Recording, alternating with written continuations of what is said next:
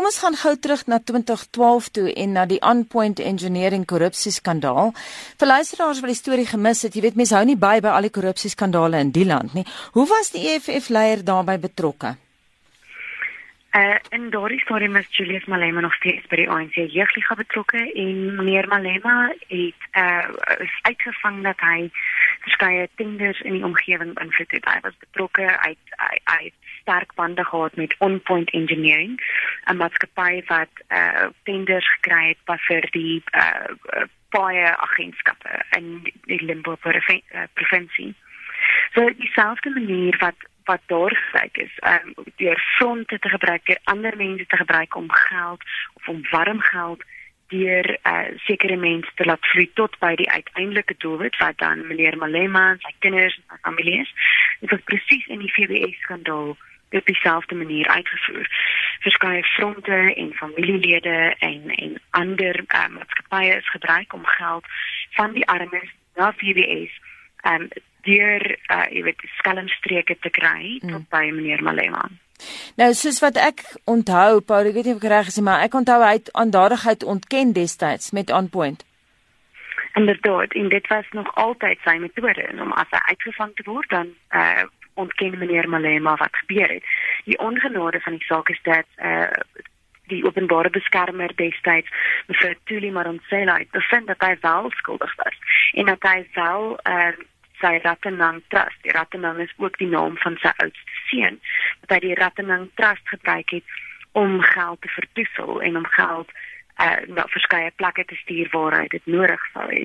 So dit is moeilik nou vir ons om te glo dat wanneer hy weer hierdie ontkennings maak, om te glo dat hy werklik eerlik is in dit wat hy sê.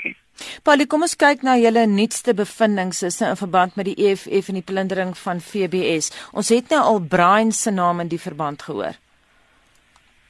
So Brian Shavamba is die broer van meneer Floyd Shavamba. Hy oh, ja, ja. is die eienaar van die eerste uh fonds of die eerste fondmaatskappy eintlik mm -hmm. wat gebruik is. Die fondmaatskappy se naam is Jamaica en van van die FBS bank af die verskeie skelmstreke is daar uh, so 16 miljoen rand in Jamaica inbetaal.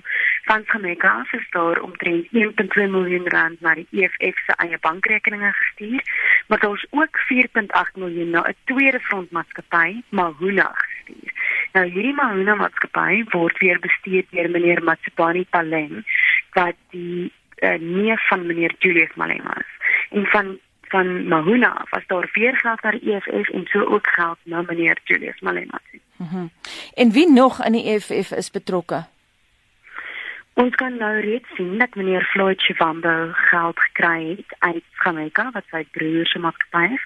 Ons sal ons ondersoeke verder daarna rig in die komende paar maande. En um, dit blyk wel dat die res van die EFF leiers nie in hierdie stadium betrokke is nie. Ons ondersoek nog die saak, maar daar's geen bewyse dat van hierdie mense geweet het dat die EFF uh, geld gebruik wat uit die FBS bank gesteel is. Nie. Het julle in die proses Paulie met uh, Julius Malema gepraat? Ek het vrae gestuur maandag, mm -hmm. ek het gevra vir hom en die woordvoerders van die EFF, um en meneer Floyd Wambel en meneer Dalian Poffel wat die sekretaris is vir al eintlik die algemene voorsitter van die EFF in die land. Ehm um, en vir antwoorde wat ons teruggekry het was was maar geraakte antwoorde was baie kort en en uh, tamelik onprofessioneel. Ehm um, en dit was baie duidelik dat hulle eerder hulle aandag sou gee aan 'n uh, protestering voor die Sonderkommissie teen meneer Pravengorden as wat hulle aandag sou gee aan aan ernstige sake soos hierdie. Bali, wat bedoel jy by hulle antwoorde was onprofessioneel? Uh, dit is baie aanvallend en um, dit het dit het nie verduidelik wat presies hulle bedoel het nie. Dit was in sommige opsigte baie onduidelik. Dit was on, absoluut ontwykend. Meneer Dalenpool het glad nie antwoorde gestuur nie, want onthou hy is 'n advokaat en teenoor hy is 'n senior advokaat en uh advokate mag nie mag nie uh, uitgevang word dat hulle leuns vertel nie, want dan kan dit hulle self van die rol geskraap kry. So daar was verskeie probleme gewees met die antwoorde. Ehm um, en as jy dit altyd meet teenoor die ANC of die DA of 'n ander maatskappy as so antwoord. Was hierdie net so 'n tentoonstelling van mense wat wat eintlik glad nie wil hê jy moet probeer krap waarmee hulle besig is nie. Hoe lank ondersoek julle nou al die saak? Ek uh, kyk reeds na FBS Bank sedert uit uh, die middel van die jaar toe ons gehoor het dat daar groot probleme is en dat die EFF betrokke is. Die die FBS Bank is in Maart onder kuratorskap geplaas. Ehm um, en toe het ons ook reeds uh besef dat dat sake ernstig verkeerd geloop het veral vir die weerloses in die land wat hulle geld in die FBS bank gedeponeer het. Ehm um, so verskeie ondersoekende joernaliste het begin werk aan aan hierdie kwessie sedert die begin van die jaar. En Paulie, alles wat jy nou onder oog gehad het, as jy mens terugdink nou, wat het jou die meeste geskok? Was daar iets wat uitgestaan het bo alles? Ja, daar is 'n paar dinge wat uitgestaan het. Meeste daarvan het ek nog nie geskryf nie, omdat die bronne baie sensitief is in hierdie storie. Ehm um, wat wat wat ek nou reeds kan sê en wat ons oor kan gesels is dat daar sonder om te wik of te weeg arme mense, mense wat in modderre te bly, uh, mense wat wesies is of weduwees is, se geld gesteel is uit FBS om die politieke en en die persoonlike uh, ondersteuning van meneer Julius Malema. En dit is absoluut kokkend. Jy het nou gesê hulle antwoorde aan julle as ondersoekende joernaliste was onprofessioneel. Het jy enigstens dreigemente ontvang in terme of tydens die ondersoek van hierdie saak?